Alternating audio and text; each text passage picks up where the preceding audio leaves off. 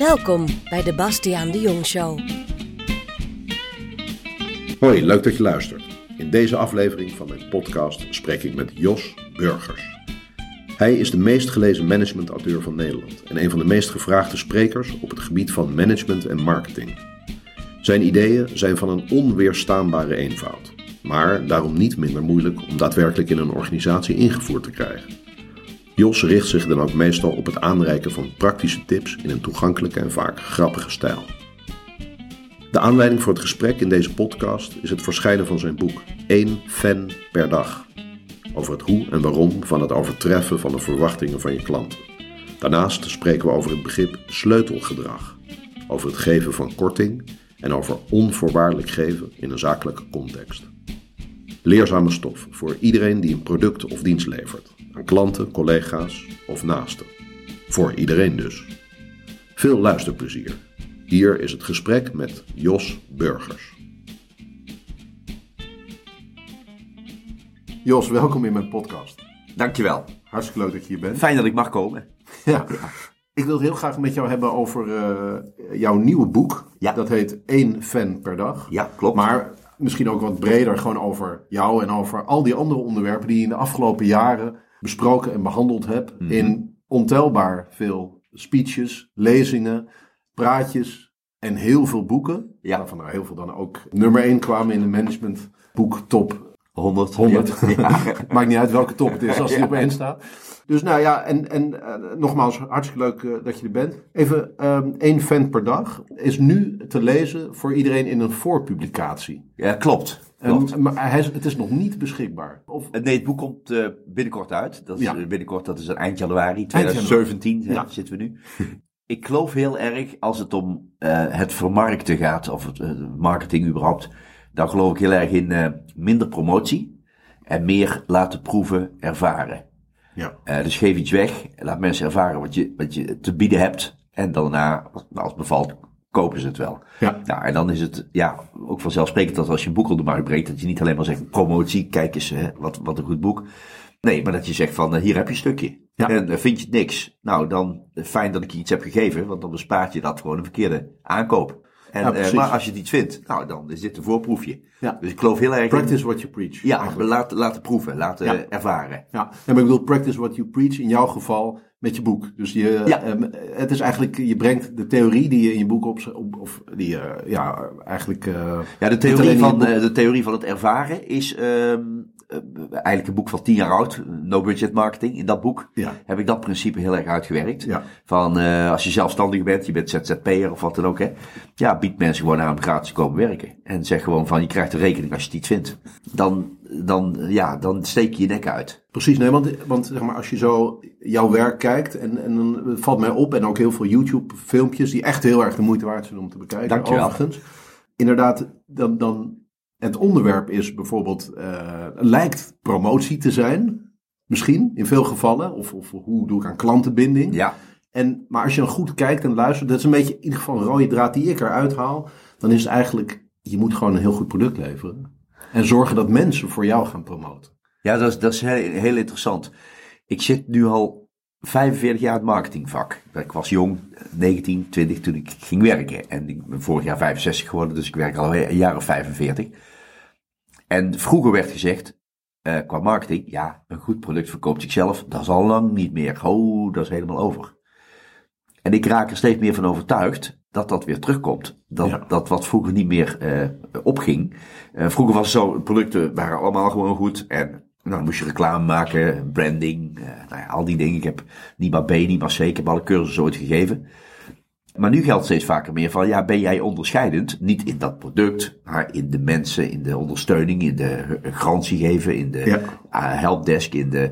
Dus, eh, en dat, als je dat als het product wil zien, het uitgebreide product, dan gaat het steeds vaker om de vraag, ben je weer gewoon onderscheidend? Dat mensen het over je gaan hebben, en dan niet meer via reclame, promotie, maar via fans, ambassadeurs. Ja. Ik wil niet zeggen dat reclame zinloos is, maar reclame is zinloos als je geen ambassadeurs hebt. Als je naam al niet goed is en je gaat dan reclame maken, eh, ja, dan zeg je gewoon, koop ons, wij zijn goed. Ja. En dan zegt iemand, waar blijkt dat uit? Ja, En dan zeg je, nou, blijkt verder nergens uit, maar...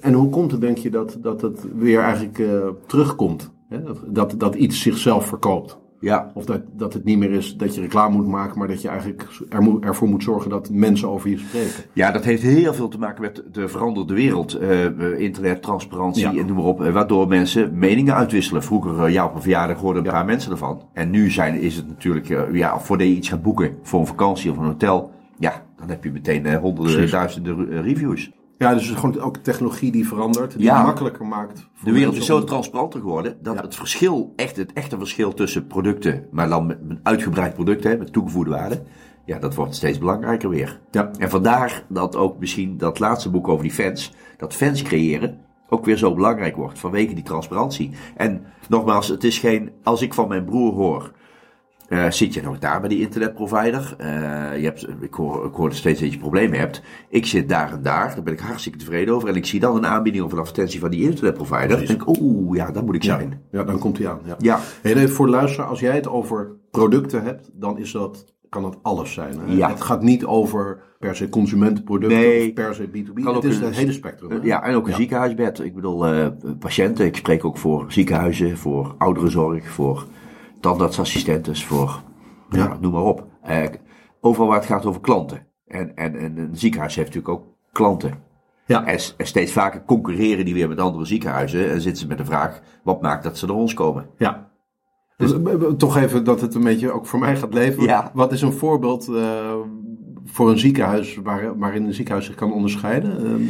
Eh, nou, vaak, vaak niet in het medisch-technische. ja. Omdat patiënten dat niet kunnen beoordelen. Dus als jij een nieuwe heup krijgt en het duurt een maand of vier voordat dat een beetje allemaal op zijn plek zit en werkt. Ja, ligt het dan aan jou of aan die chirurg? Of, ja, dat is moeilijk vast te stellen. Ja. Maar hoe jij daar behandeld wordt, hoe je, of je welkom wordt geheten, of, of eh, een beetje rekening met je wordt gehouden, of met, met, met, met, met je eten, met, eh, nou ja, dat maakt of je roept over dat ziekenhuis. Ja. En dan kom je weer snel op de factor medewerkers, mensen. En dat is natuurlijk toch steeds het. Vandaar dat ik het ook heel vaak in mijn boek heb over mensen. Omdat ja, dat maakt het onderscheidende van dat andere product of die andere dienst. De mensen eromheen. Ja, Hey, en nou ja, goed, het, hele spectrum aan, aan producten, aan industrieën, eh, consumenten, zakelijk. Ja. Ehm, dat maakt het, de markt voor jou als spreker heel groot. En dat, dat blijkt ook wel uit het feit dat je 150 Ja, presentaties per jaar geeft. ja dat En dat ging met- eh, zelfs 200. 200 Maar, Maar- dan gaat het mij toch een beetje duizelen bij zo'n getal. Want hoe, dat betekent dat je bijna om de dag ergens spreekt. Eh, ja, Al, maar hoe lang doe je dat al? al, al een jaar of 13, 14. Ongelooflijk. Ja. Eh, maar het is, kijk, op de eerste plaats, de markt is voor mij heel groot. Veel groter dan voor andere sprekers. En dat komt, komt, ik spreek alleen maar over klanten, dus dat is natuurlijk mijn thema. Maar klanten is natuurlijk heel breed als je het hebt over eh, huurders, patiënten, cliënten, noem maar op. ja. Dus eh, eh, ziekenhuizen, ouderenzorg, nou ja, maakt niet uit. Eh, twee is, ik spreek ook vaak voor medewerkers. En dan wordt natuurlijk de markt plotseling enorm groot. Als een verzekeringsmaatschappij zegt, ik heb 10.000 mensen hier werken. En kun je er gewoon eh, af en toe even gewoon 1000 of 800 wil je die even hebben. Dan zeg ik, nou doe maar. Nou, acht bijeenkomsten. En, en, en dat kunnen ook medewerkers zijn die niet direct klantcontact hebben? Of Eh, is dat wel... Nee, ook die niet direct klantcontact hebben, want die hebben dan vaak weer collega's die wel direct klantcontact hebben. Ja. En als zij die collega niet als een soort van klant intern beschouwen, Hm. ja, dan gaat het daar weer mis. Dus ik heb, ik heb een tijdje Ja, terug. dan wordt de markt heel groot, ja. Ja, be- pas had ik in het zuiden van het land een hele grote zorginstelling die. eh, eh, nou ja, grote zorginstelling, laat ik verder niet. Eh, en, en daar heb ik, nou, misschien wel, wel tien bijeenkomsten gedaan in die jaar tijd. Steeds met een zaal met 400, 500 mensen. Zo. Want men wilde gewoon dat iedereen een keer Jos Burgers voor zich had gehad. Dus nou ja. En dan gaat het natuurlijk hard ook in presentaties. Ja. Kijk, en die presentaties, ik doe geen trainingen. Dus ik doe niet een half dag training, een dag training. Dat, ik hou helemaal niet van trainingen geven. Eh, ik hou eigenlijk van grote groepen. Dus eh, dat betekent ook dat ik eh, een uur, anderhalf uur werk. Dus als je dat op een dag hebt, ja, en je doet dat vijf dagen in de week, dan, ja, een ander werkt ook acht uur op een dag. Dus ja, dat, eh, dat is best te doen. Ja. En kijk, de, het, het is bij... Ja, maar als- je moet wel elke keer... Kijk, iemand die acht uur per dag op een kantoor zit... die kan de ene dag super enthousiast achter zijn laptop zitten... en de andere dag kan hij een baaldag hebben. Dat is voor jou toch anders. Nou, dat is wel waar, Bastiaan. Maar eh, twee dingen. Eén is eh, vanwege de spanning die je altijd hebt met spreken voor een groep. Je hebt altijd een soort gezonde spanning. Ja. Maakt dat je scherp bent. Dat, dat je niet hebt van, nou, ik heb vandaag, eh, komt er niet zo van vandaag. Ja. Je hebt elke dag weer, ook al is het een, ik had gisteren een gemeente, gemeente Veenendaal voor me, alle ambtenaren. Ja, ja, ik heb al veel meer gemeentes gehad natuurlijk, maar dan is het toch weer nieuw. Die mensen hebben verwachting en die zijn benieuwd. En Ja. die zeggen ook tegen mij van tevoren, nou, ik ben heel benieuwd. Die zeggen altijd, nou, ik ook. Eh, Want ja, ik weet al wat ik ga doen, maar Ja. ik weet niet hoe het gaat uitpakken. Ja. Dus die gezonde spanning heb je altijd, waardoor je altijd wel scherp eh, bent. En bovendien, het is natuurlijk een uur, anderhalf uur. En de rest van de dag doe je je voorbereiding, je telefonisch Ja, overleg Ja. en zo. Hè? Dus het is heel erg op en af als spreker. Ik doe er meestal zo vier in de week, gemiddeld. Vier of vijf in de week. Maar ik heb ze ook wel eens op zaterdag of zondag. Eh, binnenkort op een zondag weer. Een, een of andere bouwgroothandelbedrijf. Dus ja, dat betekent dat ik... eh, ja, als je er vier in de week doet. En je doet er 150 per jaar. Ja, dan is dat een beetje 40 weken werken. En dan blijven er nog 12 weken, dus drie maanden over voor vrij en vakantie. Dus Ja. Dat is nog niet zo raar. En, en, en nu ik dus 65 ben geworden, doe ik er ook nog maar één op een dag. Dus vroeger deed ik wel eens twee op een dag. Dan had ik wel eens maanden van 25 of 28 bijeenkomsten. Ja. Maar dat doe ik dus niet meer. Nee, precies. Want dat is gewoon niet, niet ja, Ja. dan... Kan je nog lang door Dan gaat het op werken lijken, zeg maar. Kan je, heb je, kan je nog veel jaar door, denk je? Eh, Want je komt over als een hele gezonde, fitte Ja, ik probeer me wel een beetje fit te houden. En, eh, en ik ga natuurlijk gewoon jaar voor jaar door. Ik heb niet zo'n lange termijn planning Nee. van eh, dan en dan. Maar, Nee. en, en ik kan natuurlijk wel stoppen gegeven mijn le- gezien mijn leeftijd. Maar ja, dit is natuurlijk zo mooi. Ja. Ja. ik ben een van de meest bevoorrechte mensen in Nederland, vind ik. Dat je dit mag doen elke dag. Ik, Ja. Elke dag sta ik op een podium. eh, mensen eh, hebben waardering voor je, voor wat je doet, zijn enthousiast. Eh, vanmorgen vroeg ook weer een enthousiaste mail uit Veenendaal. Van gisteren, onze medewerkers zijn super enthousiast. En, Oh, en ik hoor het overal rond waar, waar je het over hebt gehad. Nou, perfect. En dan krijg je ook nog eh, bloemen mee of een fles wijn. Dus nou ja, we willen man op mijn leeftijd nog meer. Ja, ja, nou, hartstikke goed. Hey, ehm, even de, de onderwerpen zo door de jaren heen. Ja. Dus dat is, dat, nou, ik, ik zei net ook al, het is een ontzettende lijst van, van boeken. Ja, En, wel met één ding gemeen. Het gaat Klanten. altijd over klanten. ja, ja. Dus ik ga het niet hebben over persoonlijk leiderschap of over... Nee. Ja, precies. Dus het is, het is, dat is de rode draad. Ja, Maar het kan, soms gaat het ook wat meer over, over pricing. Soms gaat het wat meer over, nou ja, ja maar zo klanten. Nou ja, dat, nee, precies. hè? Maar bi- binnen het onderwerp klanten. Ja, Of, of wederkerigheid is ook een thema wat, eh, wat, terugkomt. Ehm, maar, zeg maar al die, die thema's, al die subthema's binnen klantgerichtheid, zullen we maar zeggen. Welke, eh, welke is eigenlijk het belangrijkste? Het bela- allerbelangrijkste als het gaat om fans maken, ambassadeurs maken aan business komen. Ja. Dat vind ik nog steeds de boeken die, die daarover gaan. Dus de, het belangrijkste. Niet het meest boeiend, misschien. Nee, nee, nee. Maar wel zo- zo'n boek als No Budget Marketing bijvoorbeeld. Of eh, Klanten zijn eigenlijk net mensen. Of nou mijn nieuwste boek van één fan per dag. Ja, dat gaat over business via, eh, ja, ik noem het wel eens accountmanagers die niks kosten. Dus als je fans, Ja. fans hebt rondlopen, die doen voor jou het werk. Dat is, vind ik toch wel nog steeds het belangrijkste thema. Ja. Als het gaat over, wat is nou het meest praktische? Waar heb je nou meteen wat aan? Een paar uur later al, bij Ja. spreken. Dan is dat, eh, geef nooit korting. Ja, ja, Dat, precies. dat hoor ik vaak ook van mensen terug. Ik heb het boekje en ik ben het gaan doen. En nou, het is gewoon ongelooflijk. Dat het gewoon eigenlijk werkt. Ja. Van die simpele dingen. Ja. Dus dat, dat heeft heel snel effect. En fans ambassadeurs maken is iets voor de iets langere termijn. Daar moet je gewoon energie, tij- eh, tijd in steken. En ja, dat duurt allemaal even. Ja, ja, want even, mensen kunnen het ook terugzien eh, eh, op YouTube inderdaad. Maar geef nooit korting. En, kan je even kort vertellen wat het idee daarachter is? Ja, het idee van mij is als je met klanten praat over prijzen of tarieven. En je gaat later nog korting geven. Dan zeg je, dat is eigenlijk heel merkwaardig. Dan zeg je dus eigenlijk van ik vroeg zomaar wat. Eigenlijk zeg je dan ja, ik had je willen blazeren, maar ja, dat gaat nou niet lukken.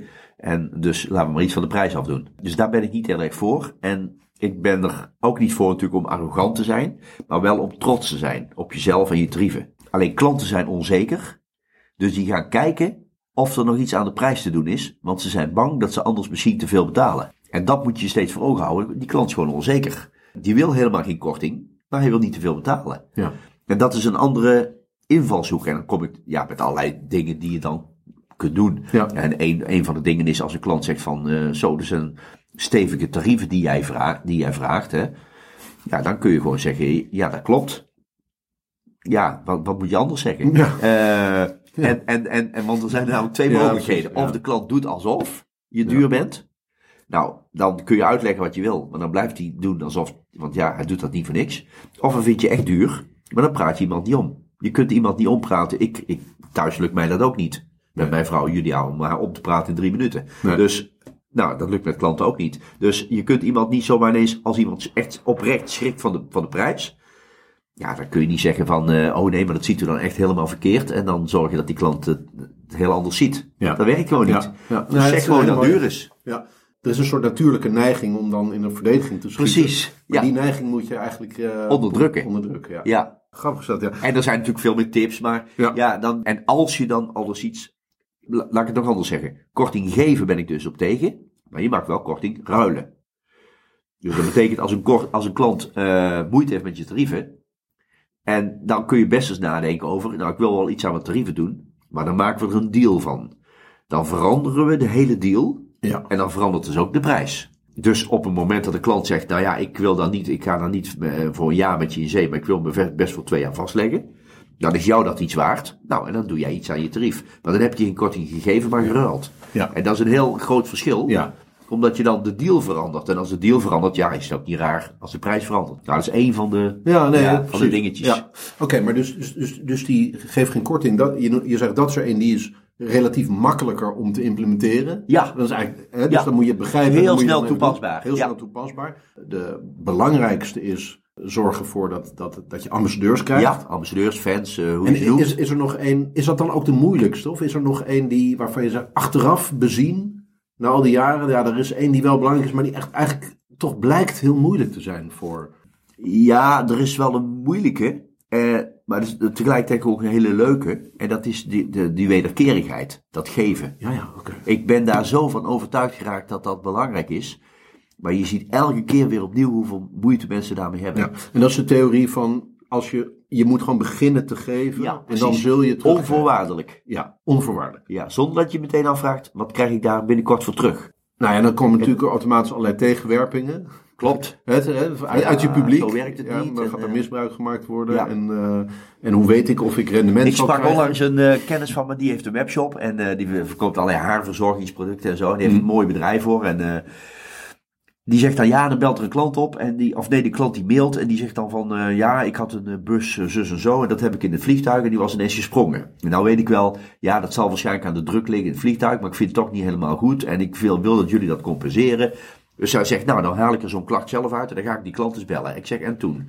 Ja, toen heb ik gezegd van, ja, dat kan toch niet? En, eh, nou, en wat, wat eh, heeft u nog de, de, de fabrikant gebeld of zoiets? Vroeg die mevrouw. En zei die, ja, en, en wat, wat zei die? Nou, die lachte alleen maar hard. Ik zeg, oh, dat is wel een prettige manier om te beginnen. nou, wat heb je nou bereikt? Nou, bereikt is dat de klant, die eh, neemt de helft van die, van die kosten voor zijn rekening en hij de helft. Ik zeg, nou, wat heb je nou precies dan bespaard? Ja. Dan zegt hij ja, 14 euro of, of 18 euro of zoiets. Ik zeg ja, als je nou gewoon had gezegd, mevrouw, het is onze schuld niet, maar dat wil niet zeggen dat ik het niet wil vergoeden. Ik vergoed het gewoon voor u. Want Ja. eh, u bent volgens mij gewoon een fijne klant van ons. En ik vergoed het. Nou, dan had je 14 euro gestoken in die klant. En dan had je er misschien één fan bij gehad. Dan zegt hij ja, maar dat weet ik nooit zeker. Ik zeg nee, dat weet je nooit zeker. Maar als je adverteert, dan weet je 100% zeker dat je de centen kwijt bent. Hoeveel geld geef je uit aan advertenties? Maar dat vindt hij geen weggegooid geld. Maar die 14 euro en die mevrouw wel. En dat is heel merkwaardig. Want dan zegt hij, nee, dat heb ik toch maar mooi verdiend.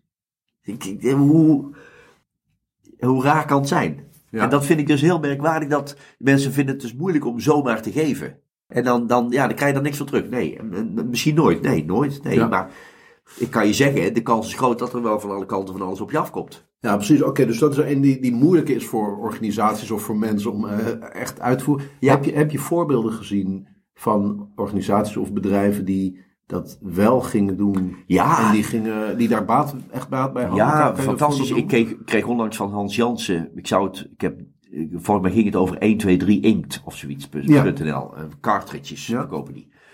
Die eh, leveren cartridges zonder merk, merkloos. En vervolgens werd er een rechtszaak aangespannen door Epson of Samsung of ik weet niet meer welke. Eh, dat zij er me- meteen moesten stoppen. En, en dat ze ook cartridges moesten terugnemen. En toen hebben ze vervolgens eh, de volgende actie bedacht. Alle klanten aangeschreven die zo'n cartridge hadden. En ze hebben gezegd, wilt u alsjeblieft de cartridge terugsturen? En u mag de printer eromheen laten zitten. Want u krijgt van ons een hele nieuwe printer met nieuwe cartridge. En ze hebben gewoon al die klanten een nieuwe printer gegeven. En in de mail stond, ja, dit stuk, het gaat ten koste van ons advertentiebudget. Want normaal steken we heel veel geld in adverteren. En dat doen we gewoon dit jaar niet. En we geven nu gewoon al die klanten een nieuwe printer.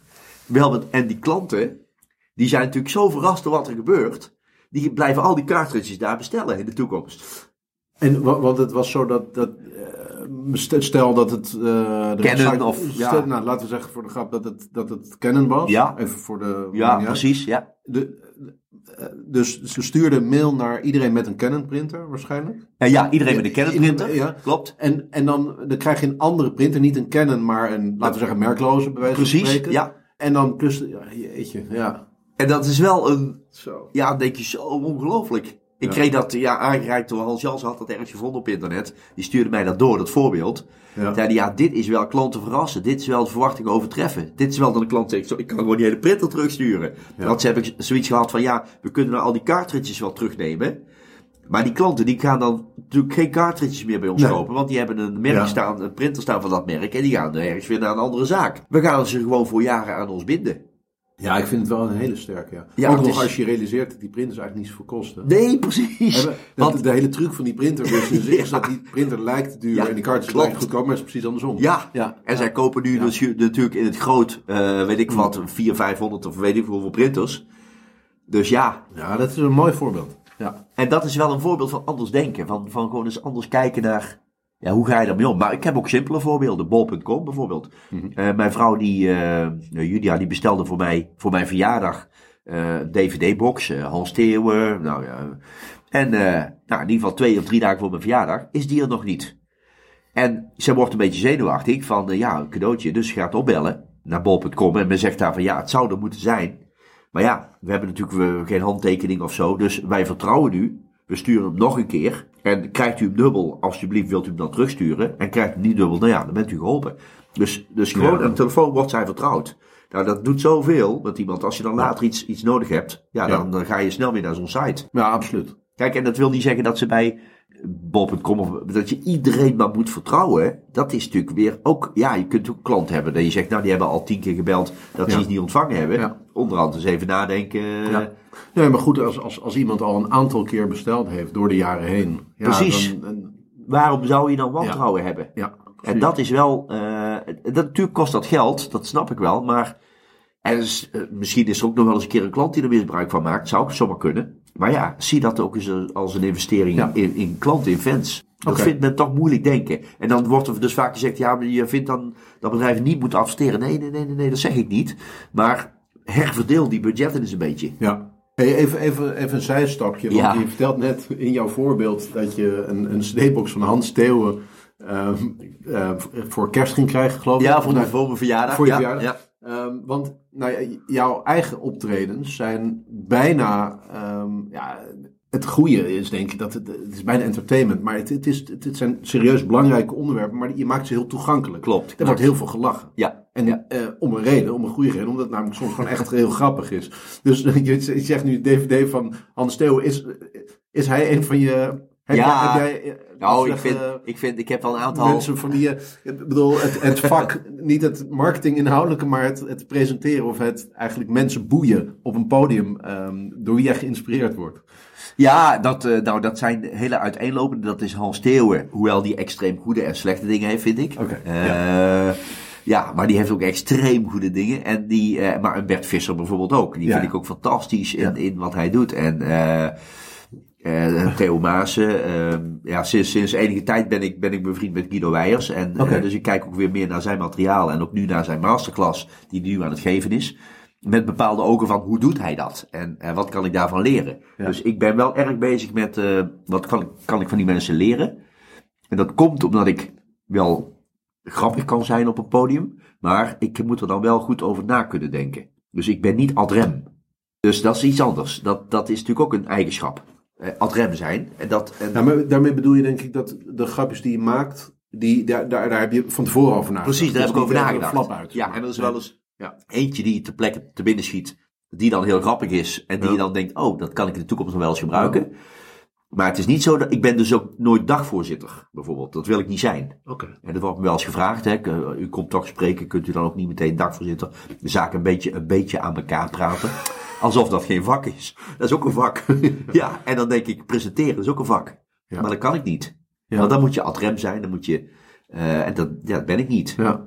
Nou, dat vind ik heel sterk, dat je zo, zo goed je eigen sterkste zwaktes kent. Ja, dat, eh, ja goed. Dat Want dit is ook weer verleidelijk om, om te zeggen, ja, doe ik wel Oh ja, precies, doe ik ook even. Oh Ja. ja, een beetje aan elkaar praten. Nee, ik zeg, eh, nou, sterker nog, ik zeg vaak, ik hou ook niet zo van interactie met de zaal. Nou, en dat vindt hij zelf fijn. Denkt, oh heerlijk, kan ik gewoon onderuit zakken. Dus, eh, en dan zeggen ze, eh, Het is wel ja, draad in ieder geval. ja, en dan zeggen ze wel eens, ja, maar als er dan vragen zijn, ja, die zijn er bijna nooit. Want ja, ik heb gewoon een heel logisch verhaal. Dus zijn gewoon weinig vragen. Dat wil niet zeggen dat ik een vraag uit de weg wil gaan of zo. Maar ik ben niet zo van, eh, dan gaan we meteen interactie met de zaal en vragen stellen en zo. Ik hou ook helemaal niet van die stellingen. Dat heb je ook tegenwoordig natuurlijk al met Busmaster en zo, hè, van die stellingen. Ja. Ja, daar, hou ik, daar ben ik niet zo van. Nee, nee. Maar ja. Goed zeg. Ja, nou, ja, prima. Je moet ook weten wat bij je past. En, Ja. Hey, dan even van, nou, vanuit de breedte. Even terug misschien naar- tussendoor, ik spreek een beetje door mijn neus af en toe, dus ik ben wat verkouden. Dus eh, ik, ik hoop niet dat dat voor de luisteraars heel erg vervelend is. Maar ik eh, kan me niet voorstellen. Ehm, eh, even terug naar één fan per dag. ja, Je schrijft zelf ook in die, eh, in die voorpublicatie dat het niet zozeer is de theorie achter klantgerichtheid, maar, maar de implementatie ervan. Het Klopt. in praktijk brengen Ja. ervan. ja, Wat, wat zijn de, wat ik me afvraag, wat maakt het moeilijk? Wat zijn de barrières waar je vaak doorheen moet? Of waar, om, het- om, waar, ja, om, moeten? om een voorbeeld te geven. Kijk, het is geen gewoonte om iets meer te doen dan wat de klant vraagt of verwacht. En voordat het een gewoonte is, moet er iets gebeuren. En dat ene fan per dag gaat eigenlijk uit van als je nou eens één keer op een dag heel bewust iets anders doet, dan is de kans groot dat, je dat, dat het op de duur misschien een gewoonte wordt. Maar ik zal een simpel voorbeeld geven, want dat werkt vaak het makkelijkste. Sterk, je wer- werkt bij een bedrijf en er komt een klant en die heeft een vraag, een verzoek, een wens of die heeft, die heeft wat. En je helpt die klant en daarna zeg je, nou de klant zegt dankjewel, denk dat ik, dat zo wel weet, ik denk dat ik er zo uit ben. Nou, die vertrekt weer, hangt op. Wat gebeurt er dan als regel? Mensen gaan weer terug naar het werk, want die hebben veel te doen. Dus die gaan gewoon weer werken. En dan zou je ook op dat moment kunnen denken, ja wacht even, die klant die, als ik die nou over drie dagen nog eens bel, om te vragen, ik heb je aan de telefoon gehad en ik was benieuwd, is het nou wel duidelijk, werkt het nu wel, heb je het nog met je collega's over gehad, had iemand anders nog vragen? Dan denk je dat zo, er is nog iemand die hier aan bedenkt. Ja. Of je nou accountant Ja. bent of verzekeringsman, maakt niet uit. Ja. En nou, dan zeggen mensen, ja, maar moet ik dan iedereen gaan terug gaan bellen die mij heeft gebeld? Dan denk je, nee, juist niet, maar eentje. Ja, ja. Doe er eens eentje. Ja. En kijk wat het effect is. En als je daar lol in krijgt, dan heb je kans dat je op de duur dat vanzelf gaat doen. Ik vraag nu wel eens aan een zaal, eh, leg aan je buurman en buurvrouw uit. Dat is dan de interactie die ik doe, die, die doe ik dan niet zoveel, zozeer rechtstreeks, maar dan vraag ik of de mensen even met elkaar willen praten. Leg eens aan je buurman, buurvrouw uit. eh, wanneer heb je dan voor het laatst iets gedaan wat de klant niet verwachtte? Ja, dan blijft het heel lang stil. Dan kijken mensen elkaar aan. Ja, hoezo? Ik doe elke dag wat de klant verwacht. En dan laat ik ze dus op die manier zien. Ja, zie je, het is geen gewoonte. Ja. En dat ring krijgen is hartstikke moeilijk. Ja. En met dat één keer op een dag, want er zijn natuurlijk ook directeuren van bedrijven die zeggen dan tegen mij: Ja, wat een onzin, één per dag. Ze moeten voor mij alle klanten fans maken, de hele dag door. Ja, mensen, eh, hè, zo werkt het Ja. niet. Nee, nee maar ik, ik vind dat ook het sterke aan jouw verhaal. Dat je zegt één per dag. Omdat namelijk, daarmee zeg je ook van het is niet per se makkelijk. Het kost ook energie. Ja, het kost Maar- ook maar- tijd maar- en energie, precies, maar dat brengt wel wat. Maar het brengt iets en, en doe er dan in ieder geval één per dag. Ja, Ik, ik, ja, ik vind het juist ook sterk. Want het is te makkelijk om te zeggen, ja iedereen. Ja, maar dat, want dat kan niet. nee, dat werkt gewoon niet. Nee. En, en kijk, En het- eigenlijk zeg je dus ook, als ik, als ik het goed interpreteer, Ja, ja. zeg je ook van, je kan beter één per dag dan bij wijze van spreken tien die eh, oké zijn. Die jou, ja, die je gewoon oké geholpen Ja, hebt en precies. die niet boos zijn geworden. Ja. maar zeggen. Ja, of zelfs honderd die niet boos zijn geworden. ja, want die, die, die- daar bereik je niks Nee, mee. precies. Met die 100 of met die 10. Ja, ja, en dat is een andere benadering. Kijk, maar als je er één op een dag doet en je werkt 200 dagen, je hebt er 200 na een jaar, Ja. ja, dan is er wat gebeurd. Ja. En als je met z'n tienen bent in een bedrijfje Ja. en je hebt er 2000 na een Ja. jaar, Ja. dan gaat er iets veranderen. Ja, waarbij, want inderdaad, dan een fan betekent dan ook een ambassadeur. Dus iemand die naar zijn naasten, zijn of haar naasten, weer over jou gaat die, praten. die over je roept. Ja, precies. En als iemand over je roept, dan blijft hij bij je. Ja. Hij gaat anderen hè, vertellen over jou. Hij eh, vindt de prijs, ach ja, niet het allerbelangrijkste. Hij gaat misschien zelfs wel meer met je doen op termijn. Nou, allemaal voordelen. Er zijn nog veel meer voordelen, maar allemaal dat soort voordelen. Maar dat, daar moet je wel iets extra's voor doen. Nee, precies. Dus ik kreeg gisteren een mailtje van een mevrouw die vroeg mij of ik een blog wilde schrijven voor iets. Nou, dat doe ik meestal niet. Dus ik schrijf, ik zeg, nou, spijt me enorm, maar dat is niet mijn uh, ambitie. En uh, ik heb ook een lijstje met waar ik ja en nee tegen zeg. Dat stuur ik altijd mee. Dan weten ze dat. En toen zei ze, ja, zou ik, uh, kan ik dan een keer telefonisch advies van je krijgen? En nou, dat heb ik vanmorgen even terug laten weten. Dat doe ik niet meer als werk, want ik adviseer niet als werk. Maar ik wil best een half uurtje met je bellen om even te sparren. Nou, dat bied ik eraan. En dan weet ik zeker, ja, daar heb ik er één fan bij. Want ik heb gratis haar met een half uurtje even geholpen. Ja. Nou ja, dan is er weer eentje. Ja. En dat heeft me dan een half uurtje gekost. Maar goed, de rest van de dag kun je gewoon je werk doen. Dus. Ja, ja, maar ja. En er komt nog iets bij misschien. En dat is, dat heb ik ook ontdekt in, dat, in die veranderingskunde. En dat is uh, sleutelgedrag. Een sleutelgedrag is als je één ding verandert dan gaan ongemerkt ook allerlei andere dingen veranderen waar je niet zo bewust mee bezig bent. Bij jezelf bedoel je? Bij jezelf. Dus bijvoorbeeld als je besluit, uh, ik wil gezonder worden, fitter, hè, en je zegt ja, dat fruit eten, dat komt er vaak niet van op een dag. Bijvoorbeeld, ik ga nu echt elke dag, smiddags tussen drie en half vier, pak ik twee stuk fruit. Ja, ik zet op mijn computer, komt er een, een mededeling om drie uur, denk eraan, denk eraan, oh ja, dat is waar ook. Nou, dan ga je fruit eten elke dag tussen drie en half vier. Ja. Dan blijkt dat er uh, sprake is van sleutelgedrag. Want pak je dan s'avonds, moet je ergens kiezen tussen de lift of de trap. Dan denk je, nou, laat ik gewoon de trap maar. Ja, ik ben al fruit aan het eten, kan ik ook net goed even de trap nemen. Dus je gaat ook allerlei. Oh, en s'avonds met een wijntje, denk je bij, bij derde bij wijntje misschien van. Nou, laat het nou eens gewoon staan. Want ja, dan zit ik een beetje middags uh, fruit eten. En dan uh, ja. ga ik het hier met, met wijn weer om zeep helpen laat daar eentje, die ene maar staan. Dus doordat je dat ene bewust verandert, veran indirect verandert er allerlei andere dingen. En dat vond ik wel een interessant fenomeen. Ja, zeker. En ik kan me ook voorstellen, zeker als je een hele organisatie wil veranderen, dat het wellicht effectiever is als je aan iedereen vraagt om één praktisch ding te doen. Ja. Dan, dan wanneer je een hele grote groep mensen overlaat met allerlei theorieën die ja. heel vaag zijn. Ja. ja dan wat moet ik dan doen? Nou, dat Nee, is precies, dat ene ding. Dat is precies de insteek. Vergeet Ja. nou je hele strategie. Ja. En, en, en doe gewoon één ding, op een dag. En dat is dan je strategie. Want, want ja, soms is ook natuurlijk die hele strategie. Dat, dat, ik, ik zit daar natuurlijk vaak bij in zo'n zaal. Dat de directeur dan voor de zaal staat en zegt van. eh eh, ja, 2017 wordt het jaar van de klant. Nou, dan zie je iedereen kijken van nou. Het zou goed zijn als 2018 is, hè, want dan hebben we dat weer gehad. En, eh, maar ja, het, waar gaat het dan over? Ja, iedereen moet dan klantgericht worden dat jaar of zo. Ja. Dat is dan de strategie. En dan, worden er, en dan denk ik, ja, er verandert zo weinig. Ja. Dus ga, doe nou gewoon eens wat op kleine schaal. Ja. Nee, inderdaad. En ook als je dan, als je in die zaal zit als medewerker, allemaal prima, maar wat moet ik doen? Ja. Zeg me wat ik dan Ja. moet doen. Wat Ja. moet ik anders doen? En dan wordt er gezegd, nou, je zou bijvoorbeeld hè, eens een keer voor een klant mee kunnen lopen. Je zou bijvoorbeeld eens dit kunnen doen. Je zou eens... Maar dat zit allemaal niet in het systeem. Dus gebeurt het niet. Ja.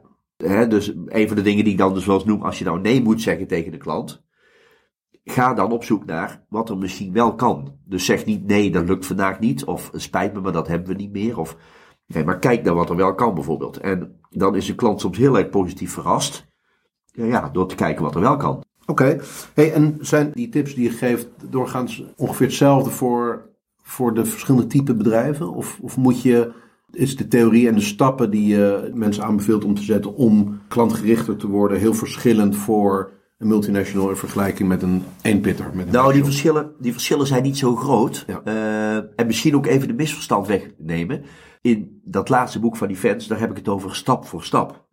Maar dat is niet bedoeld als een stappenplan. Oké, ja. Dat is dus niet van vijf stappen, zeven stappen, negen stappen. Nee, dat is gewoon stapje voor stapje. Doe steeds eens iets. En dan gaat er op de duur iets veranderen in je gewoontes, in je systeem. Eh, dus dat is niet een, het is meer stap voor stap is bedoeld, Tien bedoeld van stappen. één voor één. Ja, En niet achtereenvolgens. precies. Ja, oké. En eh, kijk, en als ik natuurlijk eh eh, tandartsassistenten voor me heb, of ik heb eh, dierenartsen voor me, of mensen met een showroom, of ja, dan pas je natuurlijk alles aan aan die situatie. Maar in de kern komt het altijd neer op een paar simpele dingen. Eén, klanten willen graag geholpen worden. Ja. Dus ja, hoe help je een klant belachelijk goed? Dat is dan een van de thema's. Nou, en een van mijn adviezen is dan, eh, een klant belachelijk goed helpen betekent dat je op zoek gaat naar de vraag achter de vraag van de klant.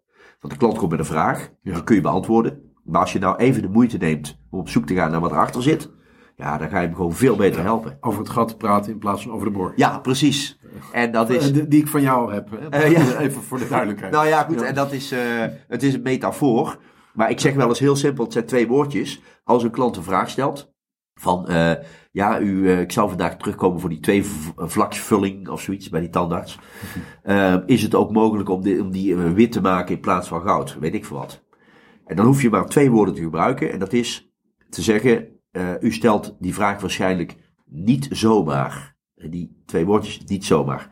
En dan gaat de klant zeggen, nee, dat klopt, want ik zal u zeggen. En dan, dan komt er weer wat. Dan achterhaal je de vraag achter de vraag. Door die twee woordjes, niet zomaar. En uh, dan kun je een klant vaak veel beter helpen. Maar bovendien, die klant voelt zich heel erg serieus genomen. Want die denkt zo, die heeft interesse in mij. En of je nou in een winkel staat en je zoekt een jurkje uit. En iemand zegt, ja, maar geef dit niet af op dat en dat en dat. En je zegt dan, nou, dat ik, zal ik u uitleggen, maar u vraagt dat niet zomaar. Ja, dan ga je interesse tonen. Ja, dat is goed. En dan kun je een klant beter helpen. En of je nou op een helpdesk zit aan de telefoon, of je staat in de showroom, of in de tandartsenpraktijk, dat maakt op zich niet uit. Ja. Ja. En ik pas dus wel de voorbeelden aan, de casuïstiek.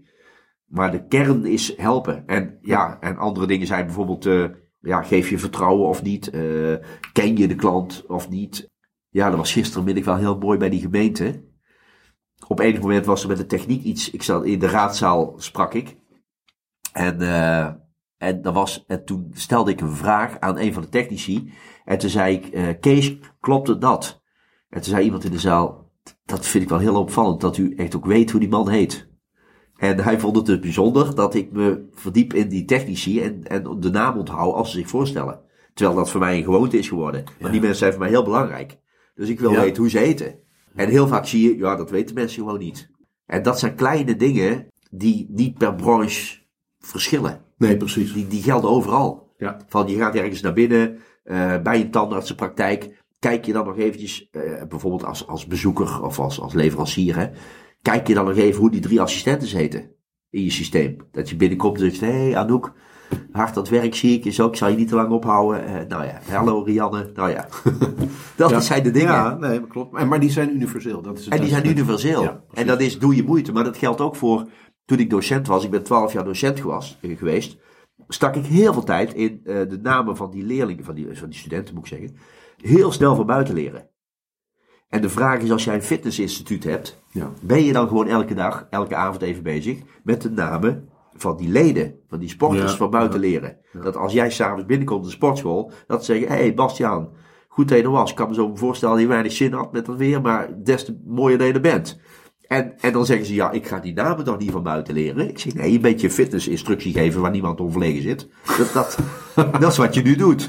en dan zeggen ze, nou, dat er niemand onverlegen zit. Ik zeg, nee, al die leden haken af na drie maanden. Wil je toch niet zeggen dat je de grote behoefte voorziet? Dus ja, dan, dan prikkel ik ze een beetje, maar dan wil ik ze duidelijk maken dat het daarom gaat. Ja, En het mooi. zijn natuurlijk wel simpele dingen, maar ja, mensen doen het alleen niet. Ja.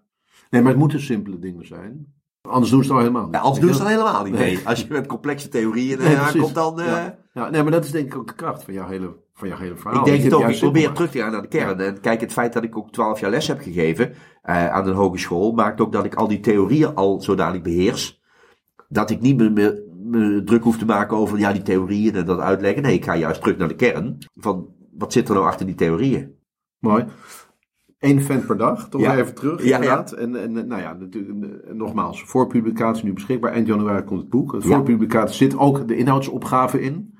Dus natuurlijk, nou, natuurlijk benieuwd. Maar je, je, eigenlijk, je maakt ook lekker met de, met de titels van de hoofdstukken. Want die maken heel nieuwsgierig. Hè? Dus medewerkers overtuigen door middel van de puppy-tactiek. Samen kijken naar een kip op een ei. En klanten helpen als dat niet kan. Nou, dan wil ik eigenlijk allemaal weten wat erin staat. Maar goed, dat gaan we niet doen. Want, want dan, mensen moeten gewoon een boek kopen. Maar nog even die laatste. Klanten helpen als het niet kan. Nou, dat moet je, zou je dat wel alvast een tipje van de sluier kunnen oplichten? Wat, wat, je- wat Nou, dat, dat, dat gaat over waar we het zojuist over hadden. Als je dus Ja. nee moet zeggen, dan kun je dus iemand eigenlijk niet helpen. Ja, ja, oké. En dan Ja. nadenken, is er een manier waarop ik die klant toch kan helpen? Ik heb in het boek een voorbeeld gegeven, ik vind het een schitterend voorbeeld, van een hotel in Amsterdam. Er is een bedrijf, heeft daar een evenement. Het managementteam zit bij elkaar. Ober komt wat drankjes opnemen. Een van de, van de mannen bestelt een, een Coca-Cola. En de ober zegt, we hebben hier Pepsi. Is dat een probleem? Eh, ja, zegt de jongen, dat is een groot probleem. Eh, doe maar Spa Blauw. Dus die ober denkt, oh, dat is een echte liefhebber. En die besluit de straat op te gaan, en daar in die negen straatjes. Ja. Die gaat de shawarma tent binnen, haalt daar cola, komt terug. met een blad. En dus die manager zegt, "He- heb je het wel? Nee, zegt hij. Maar ik zag aan u, dat is een liefhebber. Dus ik denk, even de straat op. En ik ben even de cola gaan halen. En toen zei die manager tegen mij de dag erop, toen ik daar mocht, mocht spreken. Over drie maanden, dan weet ik niks meer van het hele evenement. Maar ik weet nog één ding. Ja. En dat is dat die ober voor mij de straat op ging. En dus als we een locatie moeten hebben voor volgend jaar, ja, dan, dan, dan denk ik als eerste hier. En toen dacht ik, ja, dit is iemand helpen, terwijl het eigenlijk niet kan. Want je hebt het niet. Alleen het probleem is vaak dat het management het niet goed vindt dat die ober de straat op gaat. Want die food en, food en beverage manager, die zegt natuurlijk een keer, wat doe jij steeds op straat? En dan zegt hij, ober cola halen. En dan Ja. zegt hij, ja, we hebben hier cola. Nou, en dan is het over. Ja. En dat is, en dat wil niet zeggen dat je de hele dag de straat op moet om van alles te halen. Maar dat betekent, benutten ze af en toe eens een moment om iets te doen wat iemand... Kijk, en die titels, hè, iemand helpen als het eigenlijk niet kan, die titels.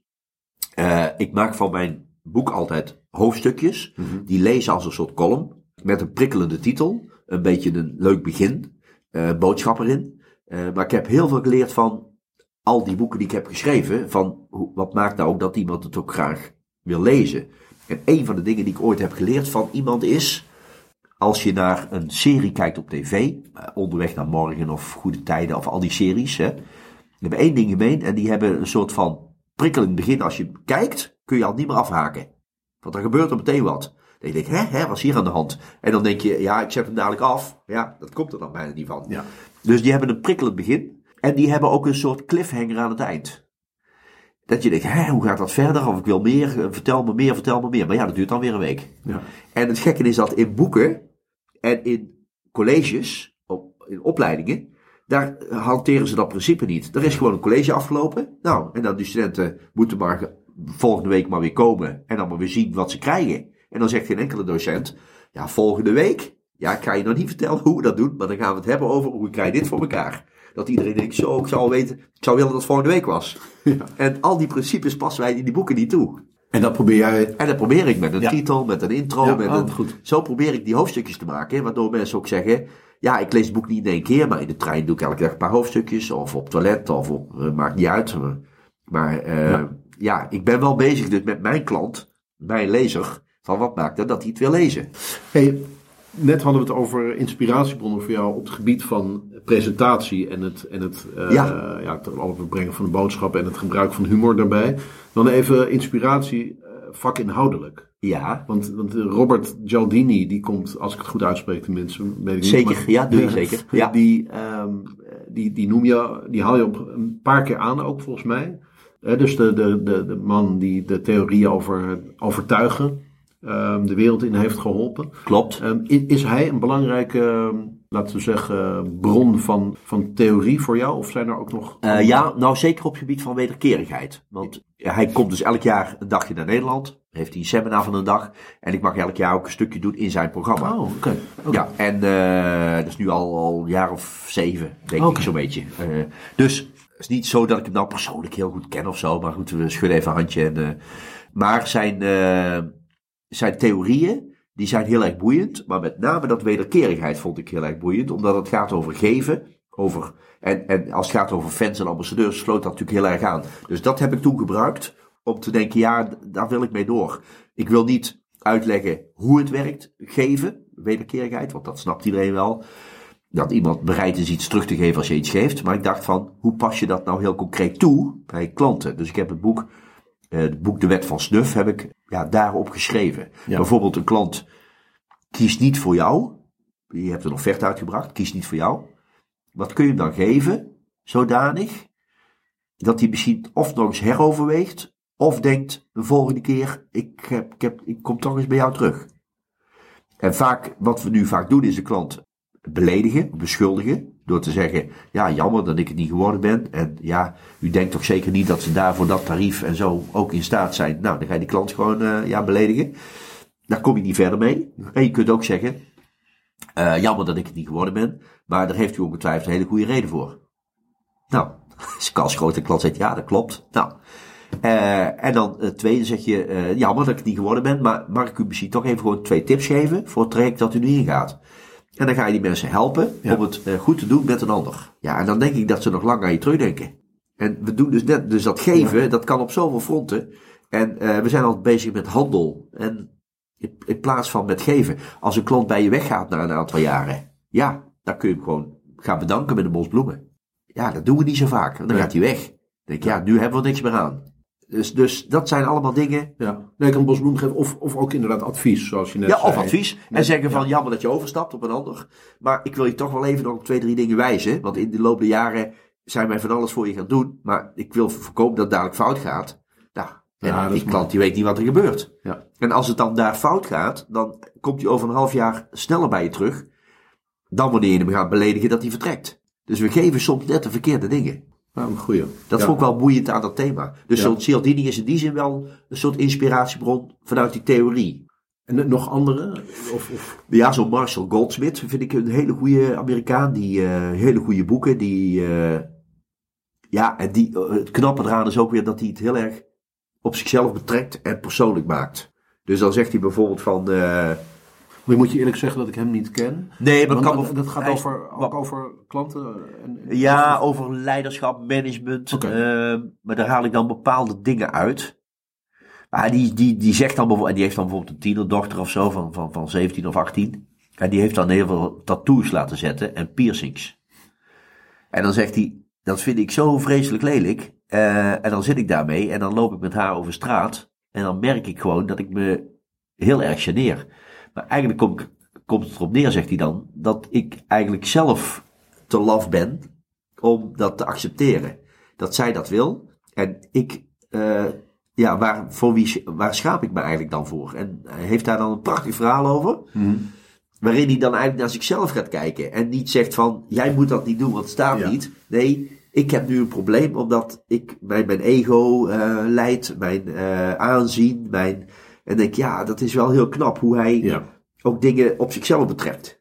Dus dat vind ik wel altijd hele inspirerende mensen. Als die Ja. naar Nederland komen en ik kan zo'n seminar volgen. Of, eh, ja, dat zijn de. En Ja. in Nederland zijn er ook een aantal goede vrienden van mij, eh, collega's, waar ik ook gewoon van leer. Die eh, Remco Klaassen, eh, Jan van Zetten, die op een bepaalde manier dingen doen, ja, die ik mooi vind. Ja. Waar ik van kan genieten. En, Ja. En, en ontmoet je elkaar dan ook wel eens om informeel even bij Zeker. te kletsen over de stand eh, van Ja, zaken? In, zeker. eh, in- ja, in ik zit in twee, eh, twee trainersclubjes. Oké. En, eh, en dan ontbijten we een keer met elkaar, of lunchen met elkaar, om dingen uit te wisselen met elkaar. Met Jan van Zet heb ik sowieso veel contact.